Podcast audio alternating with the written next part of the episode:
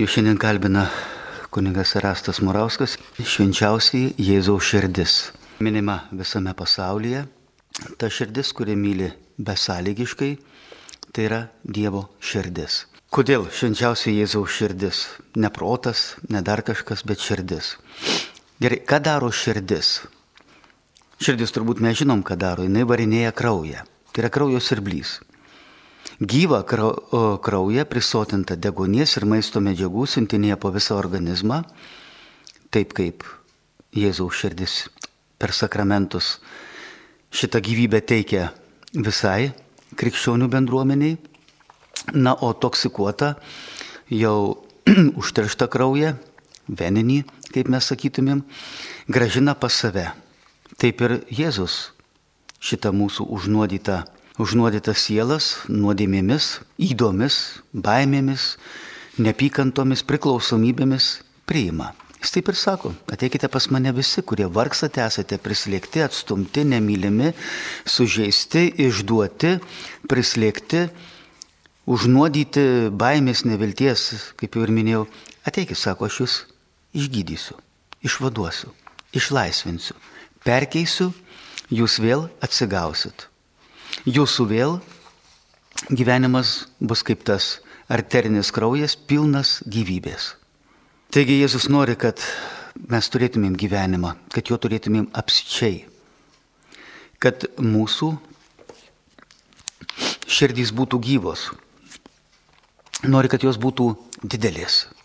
Kaip sako psalmė, padaryk mane viešpatie didžią dvasį, kad mano širdis išsiplėstų ir pajėgtų apglėpti visus žmonės. Turbūt žinote, kad e, teologinė e, širdis skiriasi nuo šito mūsų, kaip mes vadintumėm, emocijų centro. Teologiškai širdis yra suprantama e, truputį kitaip. Jinai hebrajiniam supratime širdis reiškia protą, jausmus ir valią. Apima visas šitas tris žmogiškasias dvasinės galės Ir visą birželio mėnesį mes melsimės į Jėzaus širdį, sakydame, sakydame Jėzau romusis ir nuolankė širdį. Padaryk ir mano širdį panašią į savo širdį. Perkeisk ją. Kuo? Na mes ką tik pasakėm. Nuolankumu. Protas nuolankumu. Argi Jėzus skelbė iš savęs? Ne. Skelbiu tai, ką iš tėvo girdėjau. Ne save skelbiu jausmai. Jėzus nori, kad jo meilė atsirastų ir mumyse. Kieno jo Dievo. Kadangi jo tėvo meilė irgi atsirastų mumyse, jis mums ją ir atnešė. Kad mes ją galėtumėm priimti ir iš tikrųjų pajėgtumėm mylėti taip, kaip myli Dievas, besąlygiškai. Šventieji tuo ir buvo ypatingi, kad jie buvo perkeisti. Jie paėgė priimti kitą žmogų tokį, koks jis yra, nenorėdami keisti pagal save, bet mylėdami taip kaip Dievas. Matydami tą žmogų ne tokį, koks jis yra, bet tokį, koks jis gali būti. Apie tai kažkada kalbėjo ir, ir Getė sakydamas, kad jeigu blogą žmogų primame tokį, koks jis yra, mes jį padarome dar blogesniu. Prostitutai pasakęs, kad jinai yra K, aš juos geresnė nepadarysiu kokį nusikaltelį, nusidėjėlį, pasakyti, pasakęs, kad tu degradas, išgama ir taip toliau, kaip tave ževenta žemė nešioja, tai gal bus tiesa, bet, bet tai neduos to norimo rezultato. Šventieji tuo ir buvo ypatingi, kad kaip Getė sako, bet jeigu mes jį primame tokį, koks jis turėtų būti, tada mes jį ir pastumėm. Tarsi mes jį pamatom ir mūsų šitas matymas, tokio, koks jis gali būti, jį perkeičia. Šventieji taip ir matė didžiausias nusidėlis, nusikaltėlis, prostitutės ir visus kitus recidivistus, netokius, kokie jie yra, bet tokius, kokie jie gali būti, jeigu tik Dievo malonė juos paliestų. Lygiai taip pat mato ir Dievas. Dėl to jo širdis visą laiką mums atvira, todėl jinai ir myli besąlygiškai. Todėl ir Jėzus turėjo šitą nuolankumą ir kad ir kaip jam buvo sunku tuos apaštalus priimti ir iškesti, Pats nekartą sakė, kiek man dar reikės jūs pakesti. Bet jis ištvėrė, nes jis žinojo, kad jie pasikeis. Gavę šventąją dvasę, jie bus perkeisti. Jinai jiems išaiškins, jinai jiems atvers, jinai jiems parodys. Tuo metu buvo sunku. Tuo metu iš tiesų reikėjo nuolankumo, paklusnumo, paklusnumo dangiš, dangiškojo tėvo valiai, bet jis ją priėmė. Nes šitas nuolankumas palėtė ir valią. Jis Jėzus taip ir sako, aš atėjau vykdyti ne savo valios, bet valio, valios to, kuris mane siuntė. Taigi jis neieškojo savo valios. Dievas tikisi, kad ir mes taip atidavę savo širdis jam, atidavę savo protą, patikėję Dievui, savo jausmus, kad jie būtų perkeisti per gailestingumą, o protas per šventą raštą ir valią. Valią geriausiai perkeičia ne kažkas kitas kaip e, kontempliacija. Na, toks gal baisokas žodis, tačiau jis yra labai paprastas. E, tai yra tiesiog buvimas su Dievu. Ką mes darom, kai atsigulam į karštą vonę? Nieko. Bet tuo metu karšta vonė mumyse daro daugybę dalykų. Per visą nervinę sistemą, lasteles, per viską, per kraujotaką, per visur keliauja ir viską atgaivina. Lygiai taip pat kaip ir mm, karštą dieną, kur nors atsigėręs šalto vandens, tu tiesiog kontempliuoji tą vėsumą. Arba atėjęs į kažkokią vėsą patalpą, vėją galų gale. Puikiausiai į vandenį vėsų įkritęs atsigauni. Net ir kūdikis ant motinos kelių ar ant tėvo rankų būdamas irgi kontempliuoja ką? Artumą. To žmogaus artumą, kuris ateina su viskuo. Su prisilietimu, su kvapu, su, su regėjimu, to žmogaus akimis, su viskuo. Taip ir Dievas nori ir mus atgaivinti, ypatingai mūsų valią. Perinstaliuoti, kad jinai vėl normaliai galėtų veikti. Ir kad mes pajėgtumėm tai, ką protas sako, o širdis trokšta, kad valia pajėgtų tai daryti. Tokia yra ta teologinė širdis, kaip e, sako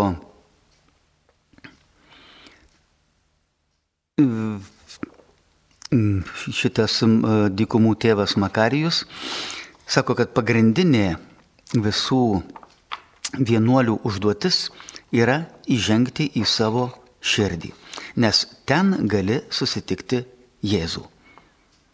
Ten susitikti Jėzų, o kad galėtum jį susitikti, reikia jį atrasti. Atrasti tada, kai jūsų širdys plaks vienu ritmu. Kaip jau ir minėjau, kai ir protu būsi įsigilinęs į šventą įraštą, tą atrodo darė ir dykumų tėvai, sėdėdami ir skaitydami švento rašto kokią ištrauką ir paskui mąstydami, kągi tai reiškia mūsų dienų pasauliui, man asmeniškai ar mano artimam žmogui. Ką Dievas norėjo pasakyti ir tada ateidavo nušvitimas ir tada jie galėdavo jau skelbti, rašyti ten knygas, duoti įžvalgas bet kokiam atėjusiam žmogui, kuris gaudavo tą galutinį atsakymą į savo gyvenimo problemą. Taigi širdis yra visų fizinių, emocinių, intelektualinių, valios ir moralinių jėgų šaltinis.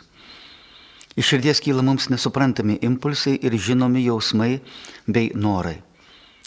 Širdyse glūdi pojūčių ir pažinimo pagrindas bei centras. Ten yra ir mūsų, kaip jau sakiau, valios buveinė.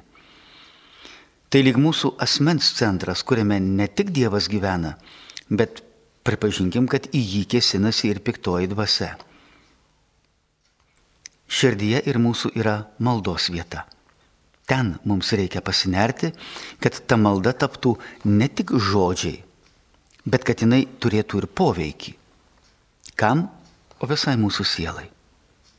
Visai mūsų gyvaščiai. Dėl to ir mūsų malda turėtų būti labai paprasta.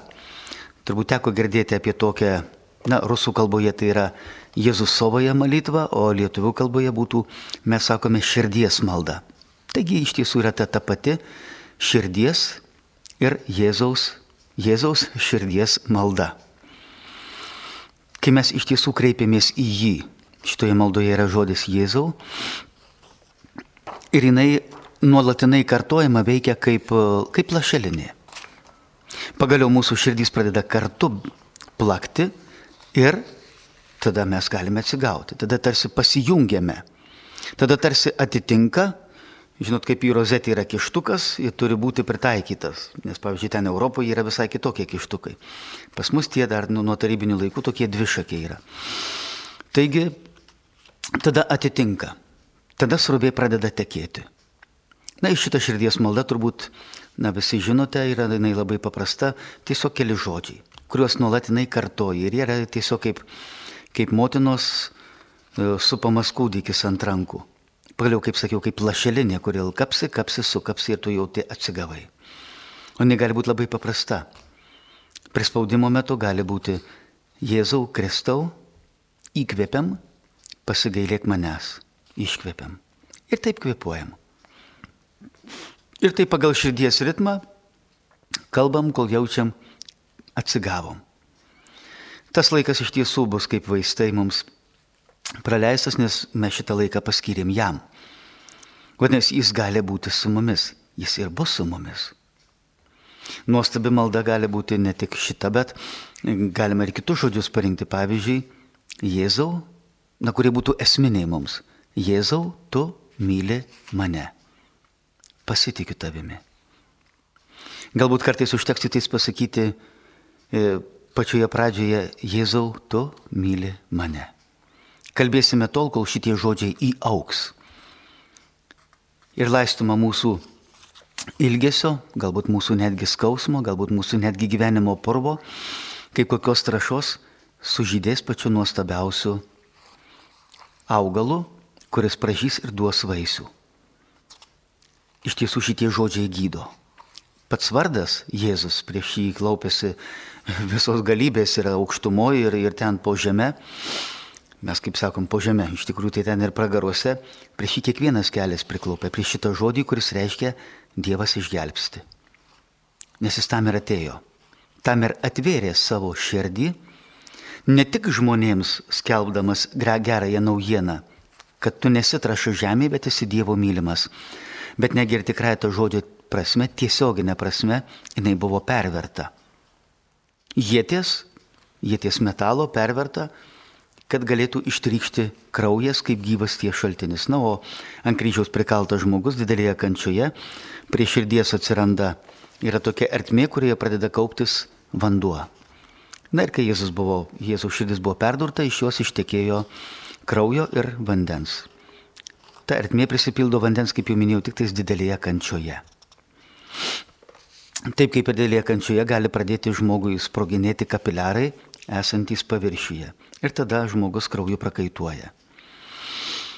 Atrodo, Jėzui visa tai ir buvo, nes iš tiesų jis mylėjo. Jeigu jam nebūtų žmonės buvę svarbu, argi būtų ir tas prakaitas kurvinas, argi jis būtų tada ėjęs ant kryžiaus, nes psichologinė baimė, jinai juk buvo, kaip ir kiekvieno žmogaus, jis tapo visko panašus į mus išskyrus nuodėmę. Taigi jis ir pergyveno, bet, bet meilė nugalėjo. Meilė kam? Meilė tau. Jis ėjo ten ant kryžiaus dėl tavęs, kad atvertų savo širdį kaip gyvasties šaltinį. Ne tik tą perkeltinę prasme, bet netgi ir tiesioginę prasme. Mes esame jo krauju nuplauti, vandeniu iš jo širdies pagerdyti.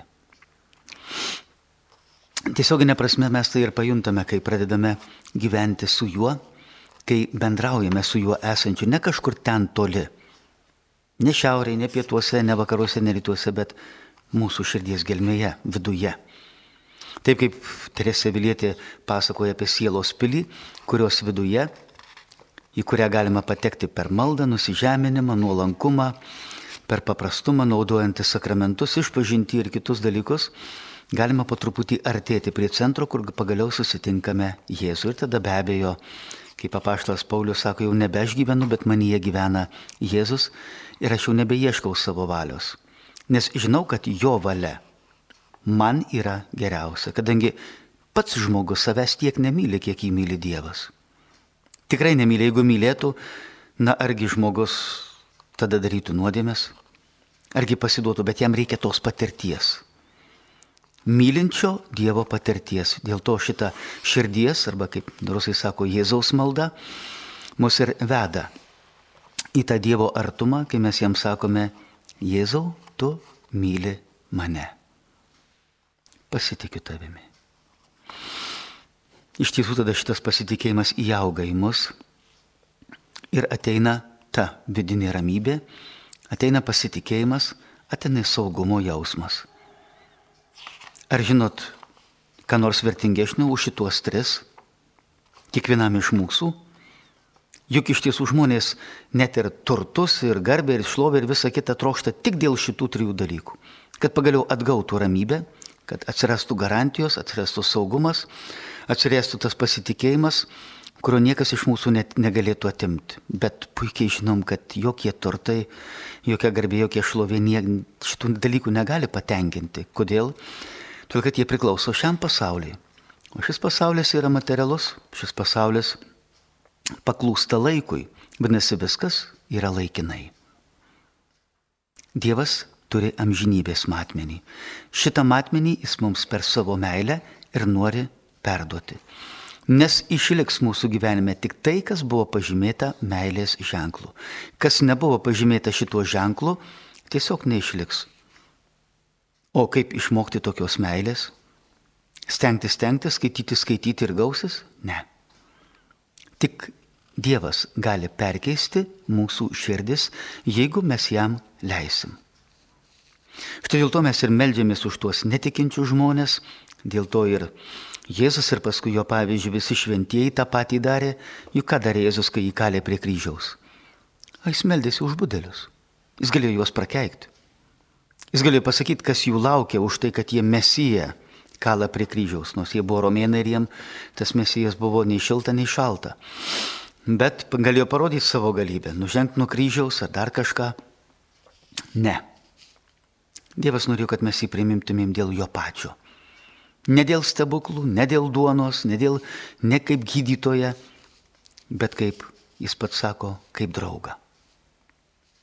Kaip ta, kuris mane myli besąlygiškai, taip kaip jau ir minėjau, niekas manęs nepajėgs taip mylėti, kaip myli jis. O kogi buvo ypatinga Jėzaus kančia? Juk krikščionys būdavo ir, ir kur kas baisiau.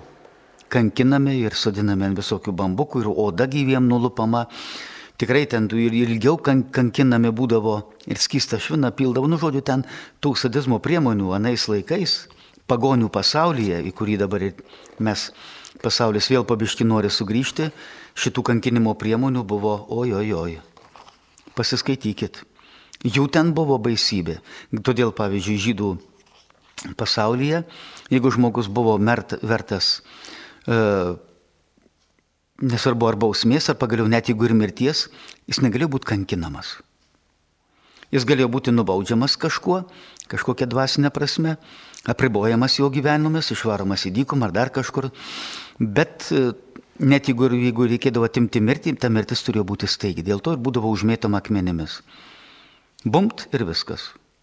Ir viskas baigėsi. Jokių sadizmų nebuvo.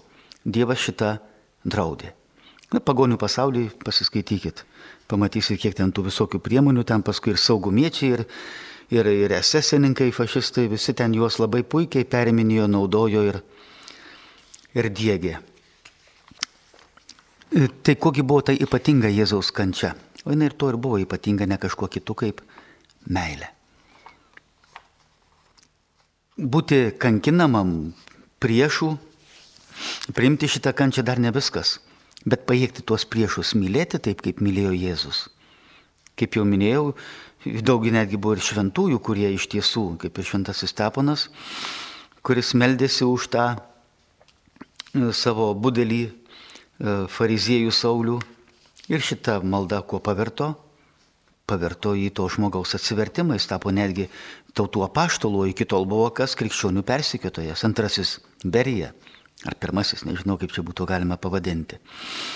Netgi ir, ir Marija Glorija savo knygelėje stovėjo prie pragaro vartų, e, irgi tą patį liudyje. Jeigu ne tas žmogelis, kuris perskaitęs apie jos, apie jos buvimą komoje, tai kai žaibas trenkė ir jie ten trečdalį kūno nudegino, perskaitęs pasnikavo ir meldėsi už ją, jo malda sugražino ją iš pragaro priešingai už savo gyvenimą, už savo pasirinkimą, už, už visą tai, ką jinai buvo padariusi, jinai tikrai buvo verta to pragaro. Netgi ir prisiminkim protestantus, kurie mums kažkada prikišo, sako, jeigu jūs krikščionys būtumėte už mus tiek meldėsi, katalikai, tiek už mus meldėsi, kiek mus keikėte, sako, mes seniai būtumėm grįžę į katalikų bažnyčią. Labai teisingas priekaištas. Praktiškas. Taip iš tiesų ir yra. Šito mes ir mokomės ir buvau labai nustebęs, kai ateina, kai šitas tėvas Stanislavas irgi kažkada liudijo, kaip sako, ateini, matai tas meistras, kad žinai, blogai daro, bet tu vis tiek, sako, šitą žmogų, sako, geri, pasitikė juo. Ir sako, žinai, patikėk, nugalėdavo. Šitą meilę, šitas pasitikėjimas juo ir kai girdavai ten, kuris tikrai labai gerai padarydavo, jį pradėdavo perkeisti. Na, puikiai žinom, kad net ir žydų mentalitete vaiką, jeigu nori, kad jis auktų, reikia girti. Genėjimas gerai, bet jeigu tu nelaistysi, genėjimas nieko neduos. Jeigu netreši, tikrai genėjimas nieko neduos. Tiesiog nudžius tas medis. Ir tiek, kad ir labai gražiai apgenėtas ir taisyklingai. Taigi reikalinga ir viena, ir kita. Dėl to ir, ir Dievas mus moko už priešus melstis ir juos paversti kuo? Savo draugais. Tokių pavyzdžių krikščionybės istorijoje yra daugybė, kad tie, kurie buvo krikščionybės priešai, netgi imtinai satanistai ir visokie kitokie, atsivertė, tapo liudytojais, Evangelijos skelbėjais, apaštalais. Taip Dievas tokius ir mus nori padaryti ir per ką? Per savo sunaus širdį. Kad ir mūsų širdys iš tiesų taptų tokios pačios. O iš kurgi atsirado ta švenčiausioji Jėzaus širdis kaip šventė? Šventė, kuri išplito po visą pasaulį ir mes dabar net neįsivaizduojam, kad negalėtų būti tokios šventės, kad nebūtų paveikslėlių, kuriuose būtų pavaizduota švenčiausia Jėzaus širdis. Turbūt visuose, jeigu dar atsimenat mūsų senelių namuose, trobelėse visur kabodavo du paveikslėliai - Jėzaus ir širdies, Jėzaus ir Marijos širdys. Jie abu rodantys į savo širdis. Jėzaus širdis perverta su kryžiumi ir Marijos širdis pavaizduota dažniausiai būna su e, septyniais kalavijais, kurie matant sunaus kančią ir jo visą gyvenimą iš tiesų buvo perverti beje kaip ir kiekvienos motinos. Visų pirmiausiai pasišvesdami mylinčiai ir mielam Jėzui negalim nepastebėti, kad jo meilė yra atstumta. Ir Dievas daugybę kartų E, šventame rašte skundžiasi ir netgi didįjį penktadienį mes gėdame tos Dievo skundus. Kaip matome, kad iš tiesų Dievas padarė viską, kad žmogus būtų laimingas. Jis ir savo tautai darė stebuklus, mylėjo gynė nuo priešų, o ta tauta kietas sprendė išduodavo, atstumdavo, palikdavo, apleisdavo, pažemindavo kitų tautų akivaizdoje. Ir šventieji jaučia savo širdys skausmą dėl to, kad viešpats nesulaukia atsako į savo meilę. Dėl to ir stengdavosi, kad bent jau jie suteiktų Dievui tos vilties, kad jie bent jau jie būtų ta druska, kuri neleidžia šitam pasauliui supūti. Iš tiesų, vienas iš esminių šio pamaldumo bruožų, švenčiausia Jėzaus širdį yra pripažinimas, kad Jėzaus meilė yra neįvertinta, niekinama ir atstumta. Pats Jėzus su kartėliu dėl to skundėsi šventai Marijai e, Margaritai Alakok, kur, kuri, kuri ir turbūt labiausiai e, išplatino ir padėjo šitam pamaldumui atsirasti. E, meilę matome pačiame Jėzuje ir visame jo gyvenime, tik jinai vienai gali paaiškinti jį ir jo žodžius ir jo veiksmus.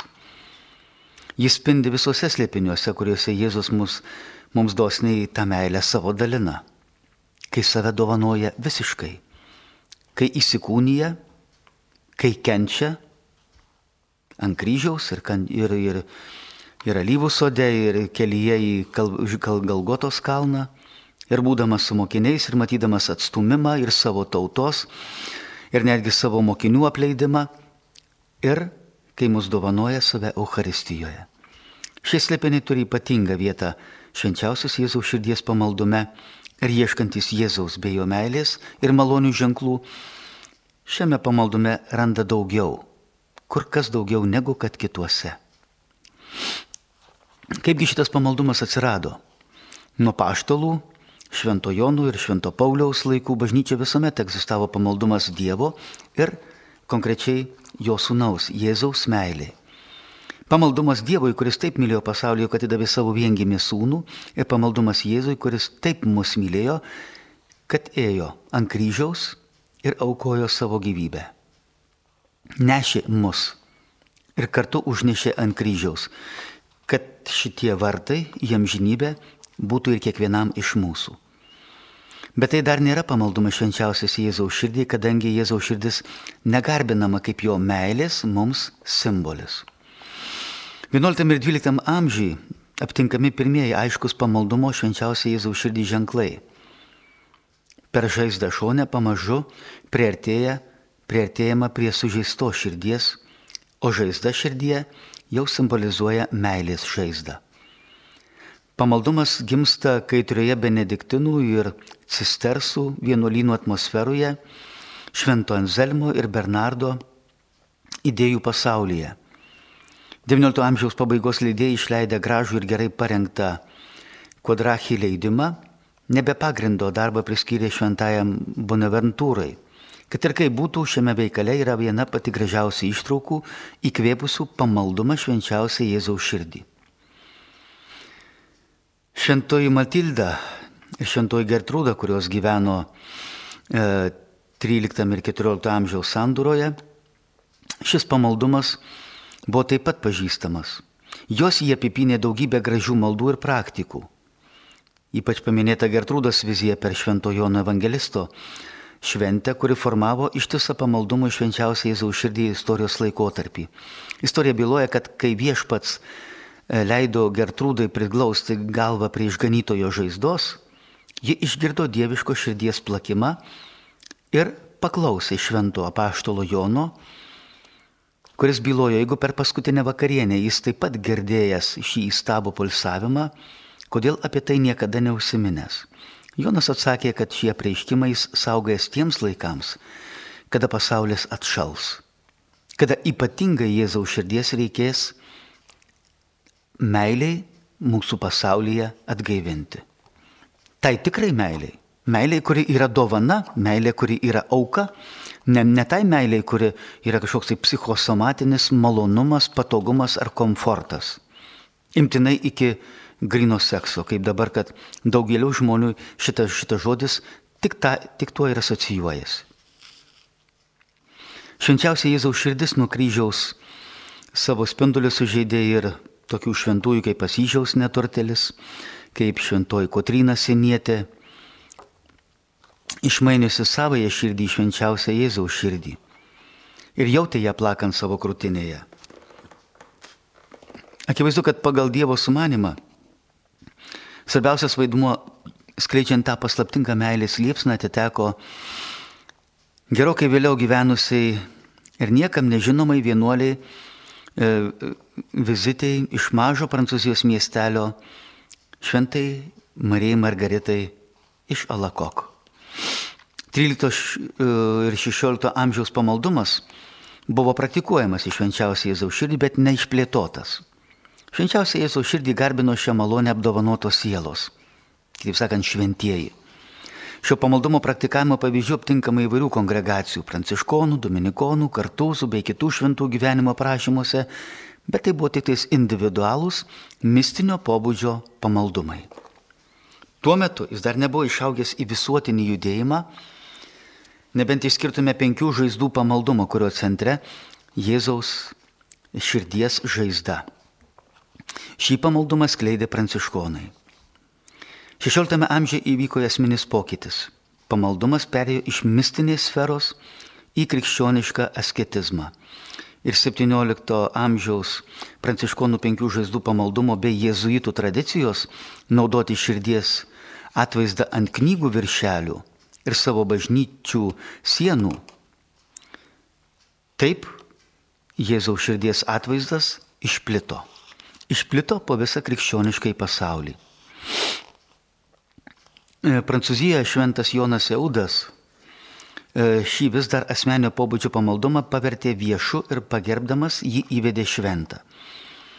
Jis yra visų pirmiausiai Marijos širdies apaštalas, tačiau jos skaičiausios širdies pamaldume svarbia vieta yra ir Jėzaus širdžiai.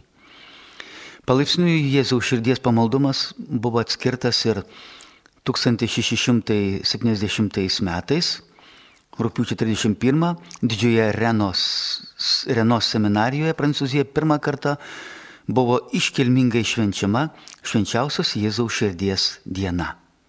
Šventė greitai paplito po visas Prancūzijos vyskupijas, pamaldumą perėmė įvairios religinės bendruomenės.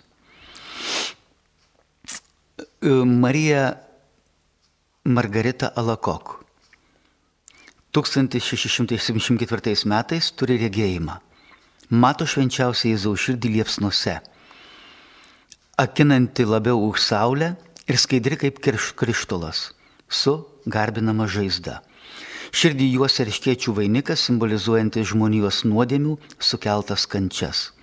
O ant, širdies uždėtas kryžius reiškia, jog nuo pat pirmosios įsikūnymo akimirkos, nuo tos akimirkos, kai susiformavo švenčiausia Jėzaus širdis, ant jos buvo uždėtas kryžius.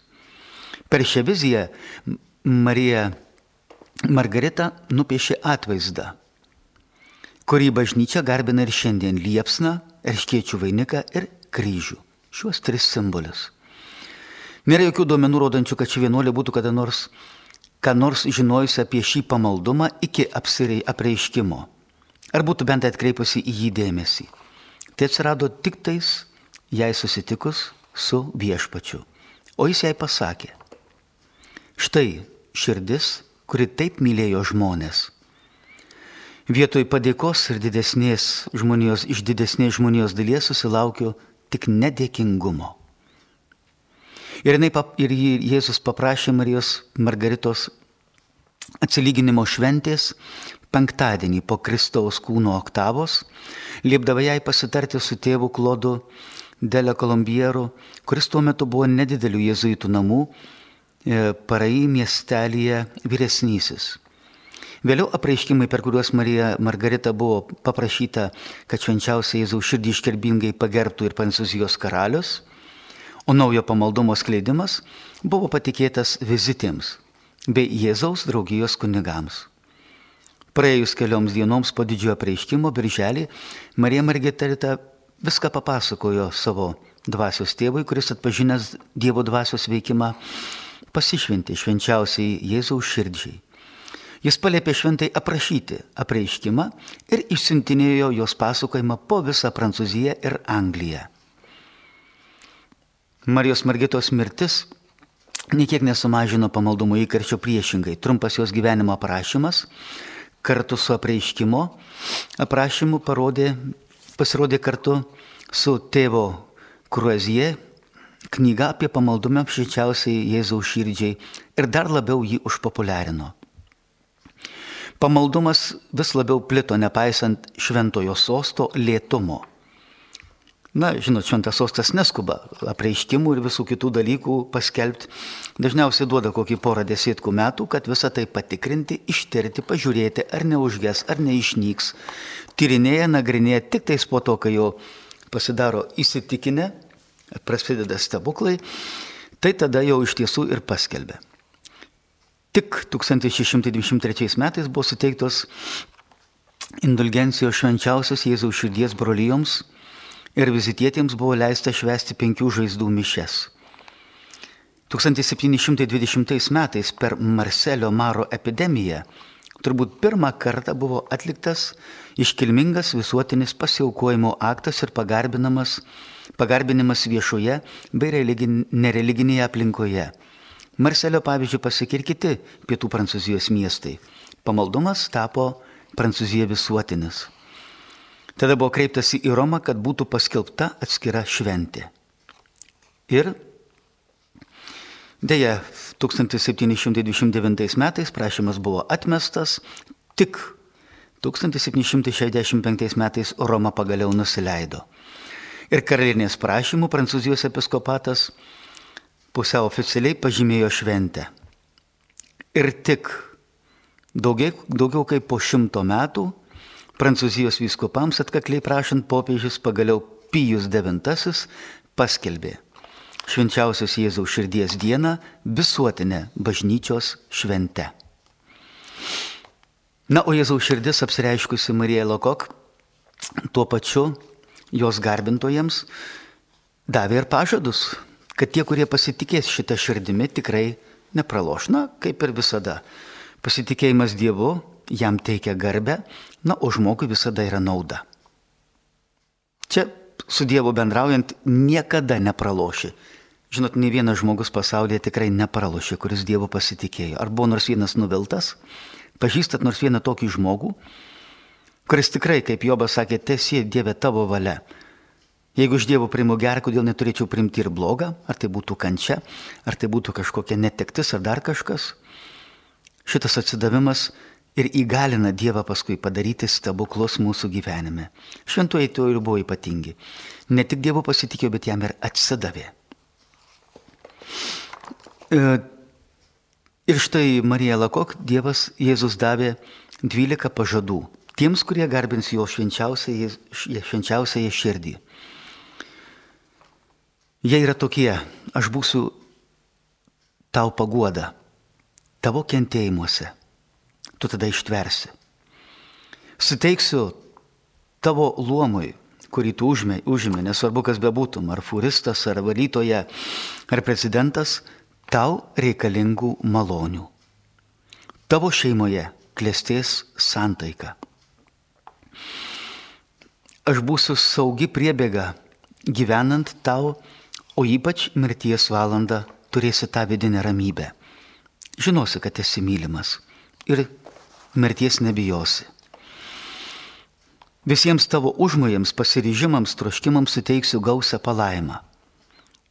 Jeigu būsi nusidėjęs, mano širdie rasi neįsenkamą gailestingumo šaltinį, kuris tave vėl prikels ir atgaivins. Jeigu tavo širdis atšaltų, aš ją vėl įkvėpsiu uolumo, vėl susigražinsiu tave. Tavo pamaldumo sėkla sudiks. Uoliosios širdys darys pažangą, siekdamos tobulumo. Ir šito panašumo su mano širdimi tu jau nebegalėsi nuslėpti. Kiekvienas žmogus sutiktas jaus. Tavo krūtinėje širdis yra kitokia negu žmonių kitų. Tiems, kurie darbuojasi sielų išganimui, suteiksiu malonę sujaudinti net labiausiai užkietėjusią širdis, nes tada jau aš kalbėsiu tų žmonių lūpomis. Jie žiūrėdami į jūsų akis matys manasas. Aš laiminsiu visas vietas, kuriuose bus laikomas mano širdies atvaizdas. Jis tarsi spinduliuos na kaip lempukė šviečia ir apšviečia mūsų visą kambarį, taip šitas paveikslas, prie kurio melžiamasi, spindės ir švies į žmonių širdis. Vardus tų, kurie šį pamaldumą platina, įrašysiu į savo širdį ir niekada jų iš tenai neišbrauksiu. Net jeigu tas žmogus suklups, kaip jau ir minėjau, jis prisikels. Ir pagaliau didysis pažadas, dėl savo širdies begalinimo gailestingumo aš pasižadu suteikti priešmirtinės atgailos malonę. Visiems tiems, kurie per devynis iš eilės einančius mėnesius, kiekvieną pirmą mėnesio penktadienį prims šventą komuniją. Prieš tai be abejo atliks išpažinti. Jie nemirs nesusitaikę su Dievu, jie nemirs be šventųjų sakramentų ir paskutinę gyvenimo valandą mano širdis jiem bus užtikrinta priebėga. Tokius pažadus duoda mums Jėzus ir jau daugybę šimtų metų, kiekvienas žmogus, kuris pasitikėjo, nenusivylė. Primk ir tu šitą besąlyginę Dievo meilę trykštančią iš jo širdies ir tikrai niekada gyvenime nebūsi nuviltas. Garbė Jėzui Kristui.